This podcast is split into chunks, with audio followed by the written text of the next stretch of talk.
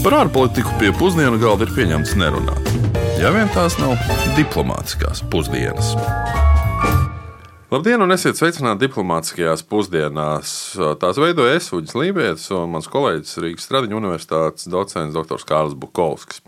Kā katru nedēļu mēs dodamies ceļojumā uz kādu zināmāku vai mazāk zināmu valsti un stāstām gan par to politiku, gan ekonomisko dzīvi. Labdien, arī no manas puses, un, kā ierasts, cikliski ceļojam no viena pasaules reģiona uz citu. Un šoreiz no pirmrindienas politikā un ekonomikā Dienvidamerikā, no Urugvajas, mēs dosimies uz devīto lielāko valstu pasaulē pēc teritorijas izmēra un lielāko valstu Centrālā Azijā.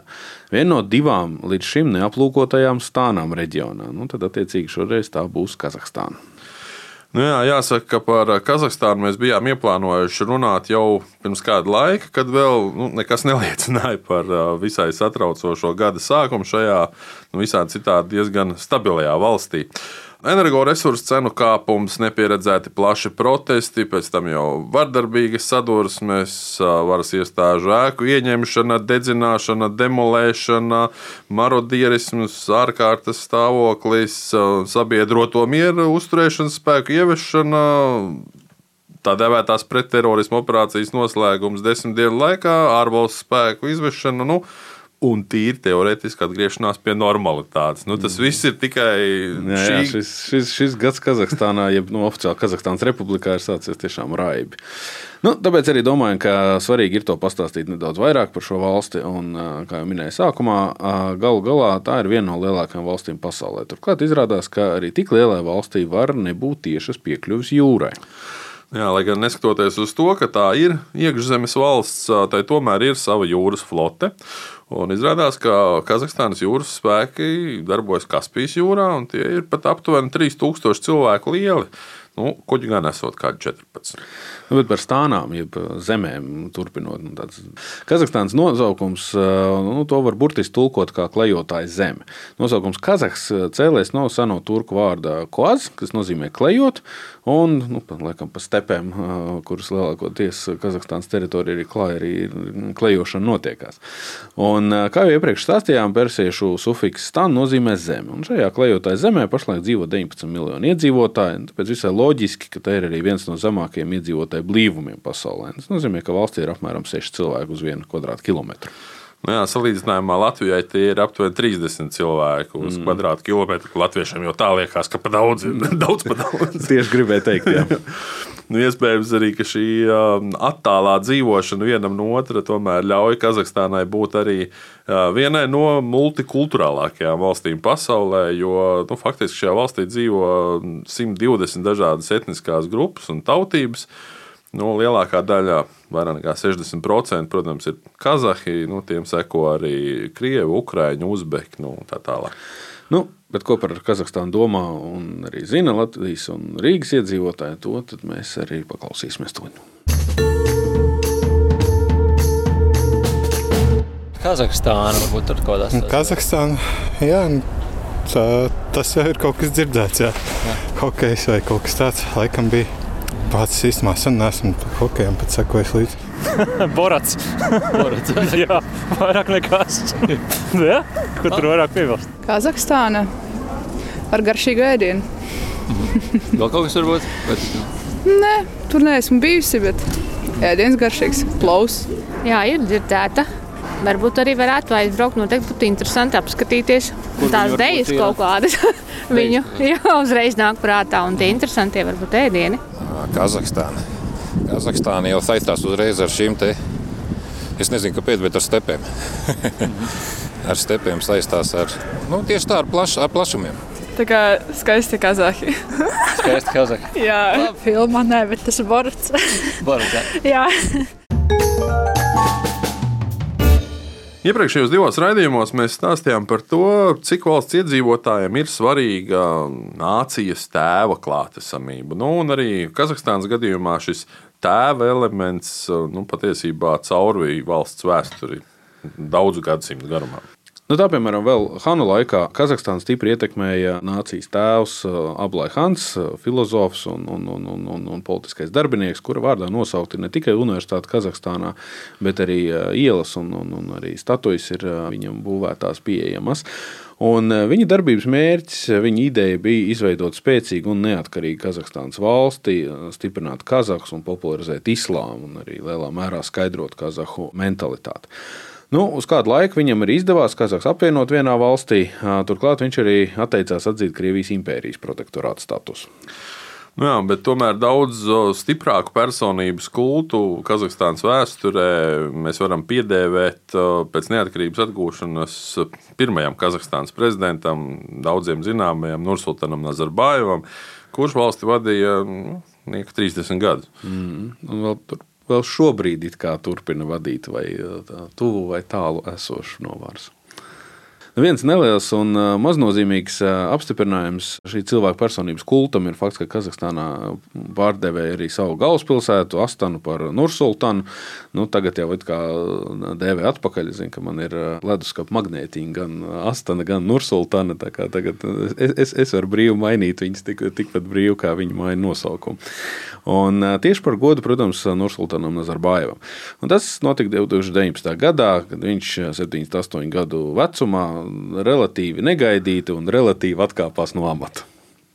Pēc šī gada sākuma notikumiem tomēr var redzēt, ka šis nācijas tēva personības kults tomēr ir uh, visai pamatīgi nu, iedragāts un sāk mazināties. Nu, piemēram, Valsts lielākajā pilsētā Almatī Nazarbājeva avēnijas nu, ielu zīmes ir nojauktas.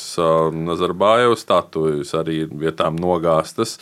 Nu, burtiski pēdējo nedēļu notikumi liecina, ka arī um, Nazarbājeva ļoti ietekmīgās ģimenes klātbūtne pašreizējā politiskajā dzīvē strauji mazinās. Nu, gan ģimenes locekļiem, gan tuviniekiem pametot ietekmīgus amatus. Bet, nu, kā Nazarbājeva atkāpšanās tika uztverta sabiedrībā, kāda ir attieksme pret jauno valdību un kā nācijas tēvu elements caurvīja valsti, to lūdzām skaidrot Sadbājeva Universitātes Kazahstānā doktorantei Aižanai Artikbājevai. Как таковых изменений резких, неожиданных, такого не было. Tādu strauju un negaidītu pārmaiņu patiesībā nebija, jo visa valsts un sabiedrība viņa klātbūtni joprojām jūta gan uz politiskā skatuves, gan valdības darbā. Vienīgais, ka pēc janvāra notikumiem Almatī atkal tiek runāts par galvaspilsētas nosaukumu maiņu uz agrāko nosaukumu. Kā stāsta radi draugi paziņas, Almatī tiek ņemtas nost norādes par Nazarbājevu. Mēs šogad bijušo prezidentu tā arī neesam redzējuši, bet valdība un masu saziņas līdzekļi viņu sāk sāk pieminēt aizvien retāk. Ja runājam par to, kā pašreizējo valdību uztver jaunā paudze, tad jāuzdod jautājums ne tikai par to, kad šī paudze ir dzimusi, bet arī kas to ir audzinājis. Ja mēs runājam par 40, 50 gadnieku paudzi, kur ir dzīvojuši tajos laikos, tad viņu bērni nekur tālu nav aizgājuši no šīs padomju domāšanas. Taču tie bērni, kuri jau ir dzimuši pēc mūsu valsts neatkarības atgūšanas, viņi jau ir pavisam citi. Salīdzinājumam pašreizējie 30 gadnieki vēl domā, kā viņu vecāki. Aptuveni 20 gadnieki jau domā daudz kritiskāk, viņi nebaidās izteikt savu viedokli. Tāpēc Kazahstānā arī ļoti populāra ir kļuvusi māksla. Ir daudz mākslinieku, mūzikas grupu, kuri nebaidās izteikties.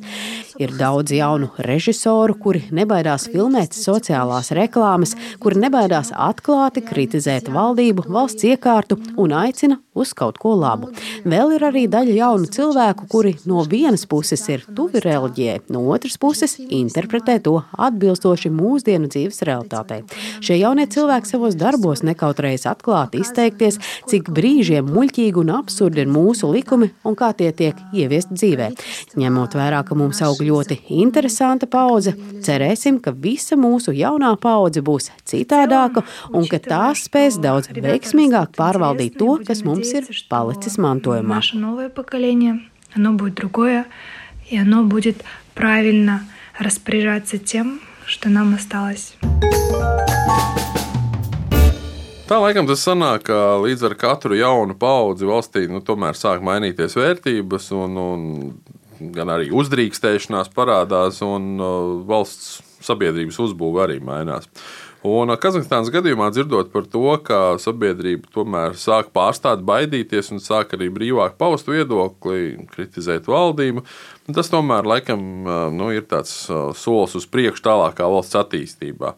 Nā, nu, patiesībā arī tepat pie mums Latvijā nu, jaunā paudze sāk piekopt nedaudz atšķirīgu dzīves stilu, domāšanas stilu. Viņiem ir pilnīgi citas vērtības, vieglāk atskatīties uz lietām, aizmirstot mūsu un veco paudžu iziet to vēsturisko skolu. Tā kā nu, jā, jau domāšana ir tiešām.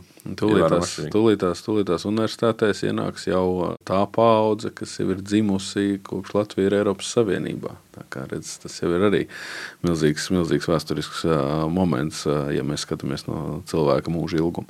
Bet turpinot stāstīt par Kazahstānu, nevar nepieminēt arī otru pretrunīgu tematu, kas ir Baikonūrs, jeb Baikonūrs kosmodroms. To padomju Savienība uzcēla 1950. gados kā bāzi padomju kosmosa programmas operācijām. Tas atrodas Baikonūras tūkstneša stepi centrā, netālu no Arāla jūras. Jāpiemina, ka sākotnēji tas bija pasaulē pirmā starpkontinentālās balistiskās raķetes R7 Simjorka izmēģinājuma centrs. Jā, no Baikonūras tika veikti daudzi vēsturiski lidojumi. Arī pirmais mākslīgais pavadonis Sputnik 1 tika palaists, pirmais Jurija Gārina apkalpes un arī orbitālais lidojums. Un arī pirmā sievietes kosmosā Valentīnas Tereškovas lidojuma. Nu, jāsaka, izņemot šo, vēl no vismaz 13 citām tautām, tostarp arī Čehu un Slovāku izcelsmes, Vācu izcelsmes, Indijas un Francijas izcelsmes kosmonauti ir tā, sākuši savus ceļojumus no, tieši no Baikonūras. Mūsdienās Baikonūrs vēl aizvien paliek Krievijas aizgādniecībā, un tas ir pilnībā aprīkots ar iekārtām, gan apkalpes, gan arī bezapkalpes kosmosa kuģu palaišanai. Un tas atbalsta gadu gaitā faktiski dažādas Krievijas kosmosa kuģu paudzes. Nu, zināmākā varētu būt Sajūza, bet tur ir arī bijuši savulaik protoni, cikloni, ņepri, zenīti un arī burāni. Tas ir tāds amerikāņu šatla programmas pakaļdarinājums, jo burāns tiešām izskatās kā, kā šatla lidmašīna. Un, un, mm. un, Viņa pārvadāšanai tika izveidots uh, pašlaik joprojām lidojošās uh, Ukrāņu lidmašīnas Anna 224 Mrija, mm -hmm. kas ir pasaulē lielākā kravas lidmašīna. Uz viņai uz, uz jumta tika paredzēta šo kosmosa kuģi vest, bet nu, viņš gan nekādā lidojumā tā arī laikam nedavās. Jā, nu, bet Padomju Savienība mums bija bēdīgi slavena ar rietumu, rietumu dizainu un rietumu tehnoloģiju kopēšanu. Nav runa, protams, tikai par par Fiat un Žiguļa tradicionālajām līdzībām. Bet eh, pēc Padomju Savienības sabrukuma 1991. gadā Krievijas kosmosa programma turpināja darboties, un 2005. gadā Krievijas Federācijas padomu ratificēja vienošanos starp Krieviju un Kazahstānu, ar ko pagarināja Krievijas kosmodromu nomas termiņu līdz 2050. gadam. Nomas cena palika nemainīga apmēram 100 miljonu eiro gadā. Jā, un viens no pretrunīgākajiem elementiem ar šo stāciju ir tas, ka tiek radīts milzīgs piesārņojums. Krievijas raķešu dzinējos izmantotā degviela ir tas galvenais piesārņojuma avots.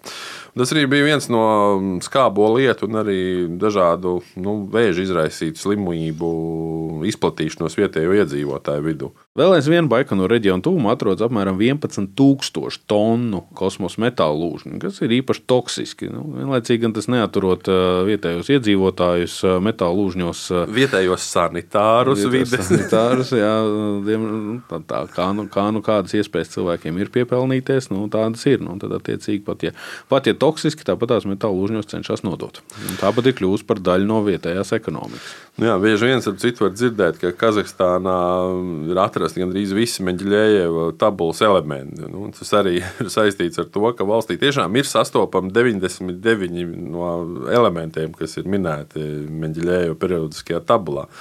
Nu, jā, man gan, ka ne visi ir līdz šim izmantoti, bet atrodami ir. Nu, tas gan Kazahstānā ir pasaulē otrās lielākās svina, cinka, chroma un urāna rezerves. Vēl 2009. gadā Kazahstāns ieņēma pirmo vietu pasaulē urāna ražošanā.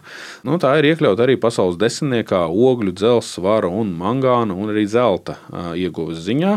Un skatoties no valsts IKP uz vienu iedzīvotāju, pēc pirktspējas paritātes Kazahstāna ir tikai apmēram 5000 eiro mazāks nekā Latvijā. Nu jā, Kazahstānā, protams, ir arī daudz naftas un dabasgāzes. Nu, līdz ar to, ka Kazahstānai nav jūras robežu, tā ir tomēr ļoti atkarīga no kaimiņos esošās Krievijas, lai šo savu naftu un arī gāzi eksportētu, tostarp arī uz Eiropu. Jā, un 2010. gadā Kazahstāna pievienojās Krievijai un Baltkrievijai, izveidojot muitas savienību. Um, tādā veidā veicinot ārvalstu ieguldījumus un uh, valsts eksportu. Muitas savienība 12. gadā kļuva par vienotu ekonomisko telpu, un jau 15. gadā par eh, mums zināmo Eiropas ekonomisko savienību. Nu, jā, līdz ar to no vienas puses uh, Kazahstānas plašās ogļu, ūdeņraža un minerālu rezerves uh, ir visas ekonomikas pamatā. No otras puses, ir arī liela lauksaimniecības nozara, nu, tur, kur lielākais uzsvars tomēr tiek likts gan uz mājlopiem, gan arī uz graudiem. Nu, gan jāmin, ka Kazahstāna ļoti labi apzinās savas ekonomiskās problēmas, ka ekonomika cieši no pārmērīgas paļaušanās uz naftas un iegūs rūpniecību kā tādu un cenšas dažādot savu ekonomiku, fokusējoties arī uz tādām nozarēm kā transports, farmācija, telekomunikācijas, naftas, ķīmija un pārtiks ražošana, lai panāktu lielāku attīstību un ieguldījumus arī no ārvalstīm.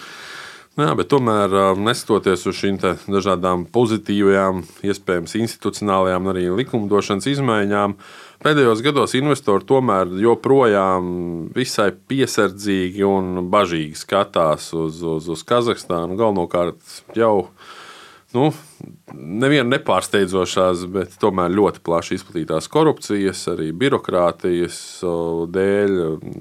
Likumi bieži vien tiek traktēti un pildīti visai tā brīvi, ja varētu teikt. Nu, un īpaši tas ir izteikti nevis teiksim, valstiskā līmenī, bet tieši reģionālā un vietējo pašvaldību līmenī. Lai cik būtu paēdis, vienmēr ir vieta arī desertam. Un tā nu mēs diezgan strauji esam nonākuši deserta sadaļā, kur šoreiz mums būs, mm, mums kā abiem, kā gaļēdājiem, mm -hmm. mēs runāsim par zirgiem un arī par zirga gaļu. Jā, vispār diezgan garšīga lieta. Turpat Kazahstānā arī viņu garšoju nēdu. Bet runājot par Kazahstānu, zirgu kultūru tiešām ir jāizceļ atsevišķi. Nu, piemēram, Kazahstānā jāšana ir nozīmīga kultūras daļa un ietver arī tradicionālo sporta veidu kizku, kas tulkojumā nozīmē meiteņu vajāšanu. Spēles mērķis ir noķert meiteni un noskūpstīt viņu, kamēr abi spēlētāji ir uz zirga muguras un jāj galopā. Šis sporta veids būtībā ir tāds kā skūpstu vajāšanas spēle zirga mugurā. Nu, viena sieviete vai meitene dodas ceļā uz zirga muguras, kamēr vīriešu grupa dzenās pakaļ. Nu, Rietumu sabiedrībā to droši vien uzskatīt par vajāšanu. es domāju, ka arī Kazahstānā šo vajadzētu uzskatīt tā, bet nu, tas tā. nu, jā. Bet vispār, ko šis atgādina, tas atgādina tradicionālo līgavu zakšanu, nu, kas ir arī diezgan pretrunīgi vērtēta kazahu kāzu tradīcija. Nu, šī tradīcija paredz to, ka topošais līgavainis nolīgst draugus vai savus radiniekus, lai ar, ar vai bez līgavas piekrišanu viņu vienkārši atvestu pie savas ģimenes kur viņai tiek piešķirts īpašs kakla lakats, lai parādītu savu piekrišanu laulībā. Jā, nu, diemžēl gan šī problēma Centrālā Azijā joprojām ir izplatīta, un uh, tā piekrišanas uh, saņemšana uh, nav vienmēr klātesoša. Tāpēc faktiski tā ir piespiedu piespiedu laulības un cilvēku faktiski nolaupīšana. Diemžēl šeit tradīcija ir, ir, ir, ir ļoti liela negatīvā puse arī. Bet pie pozitīvākām lietām, pie zirdziņiem pašiem atgriežoties, vēl viens cienījams Kazahstānas zirgu prasmes pārbaudījums tiek saukts par kumisalu, jeb paņem monētu. Mērķis ir, ar, eh, lai spēlētājs, kas jāj uz zirga, paceļ no zemes sudraba monētu. Kazahstānas leģenda vēsta, ka Aleksandrs Lielais, apskatījis kumis salu spēles, bija tik pārsteigts, ka izteicies, ka spēle varētu izmantot karavīru apmācībā nu, jāšanai uz zirga. Un eh, mūsdienās monētas vietā gan izmanto baltu kabatlakatiņu jebkurā gadījumā mūsdienu apresnējušai sabiedrībai dažai vienkārši no zemes pacelt monētu, jau ir izaicinājums, kur nu vēl sēžot zirga mugurā un vēl jājot. Cevišķi pēc Covid ierobežojumiem, jā, veselība noteikti neuzlabojās. Nu jā, bet tā, ja jau mēs esam sākuši nedaudz arī par to apresnēšanu, tad noteikti ļoti veselīga un diētiska varētu būt un arī ir zirga gaļa. Un tā tomēr ir liela kazahu virtuves sastāvdaļa. Nu, mēs ir pat pierādījumi tam, ka savulaik Kazahstānas Olimpisko spēļu komanda uz Londonas Olimpiskajām spēlēm sūtīja sev īpaši domātu zirga gaļu. Bet stāsts vairāk ir par to, ka mēs nerunāsim par to, ka visi zirgi vienkārši tiek audzēti, lai nokautu viņus. Ne, ne, ir speciāli tiek zaudēti. Tie ir īpaši, jā, jā. īpaši audzēti zirgi. Tas tāpatās kā mēs ēdam cūgaļu vai, vai aitas gaļu vai lielo. Nu, zirgiem, zirgiem ir īpaši, īpaši svēta vieta, protams, Kazahstānas kultūrā. Tā arī zirgu nokaušana un apēšanas tradīcijas ir, ir ar, ar cieņu pret, pret dzīvnieciņu. Bet jāsaka, ka ne tikai gaļu ēd Kazahstānā, arī kumis, jeb raudzēt zirgu piens ir diezgan populārs. Arī sanāca arī to nomēģināt. Nu, skaitās nacionālais dzēriens, ko parasti bauda, ja tā drīkst izteikties. Teikt, tas tā, kam patīk, kam nepatīk, gaumas jautājums. Nu, bauda viņu gan kā ēdienu, gan kā reizēm arī dzērienu zupas formā. Starp citu, kādreiz Latvijā arī ir pieejams vai bijis pieejams. Es esmu arī Latvijā dzēris. Jā, kamieļu, kamieļu piens, starp citu, arī var dabūt Kazahstānā un daudz kur citur. Daudz kur pasaulē ir, ir, ir protams, populārs. Bet ar šo mēs arī mūsu deserta sadaļu um, beigsim. Bet nākamajā nedēļā mēs jau pieminējām kamieļus, tāpēc uzreiz ar kamieļiem asociējās tūkstnesis un dosimies uz Precīzi. Tūkstneša kuģi. jā, jā, uz tūkstneša un uh, naftas bagātu valsti arī ar ļoti senu vēsturi. Kas vēl nesen bija pazīstama ar uh, pulkveža Muamara Kadafī 42 gadus ilgo valdīšanas laiku un hausu. Nu, kā jūs uh, nojaušat, tad dosimies mēs uz Lībiju, jeb Lībijas valsti, bet nu, līdz tam, lai izdosies nedēļa. Atgādināšu tikai, ka mūsu raidījumu varat klausīties arī podkāstu veidā, visās savās iecienītajās mūzikas straumēšanas vietnēs, un, protams, arī Latvijas radio mājaslapā. Šo raidījumu palīdzēja veidot mūsu kolēģi Rihards Plūme un Aleksandra Palko. Uz sadzirdēšanos! Diplomātiskās pusdienas katru otrdienu pusdienos Latvijas Radio 1.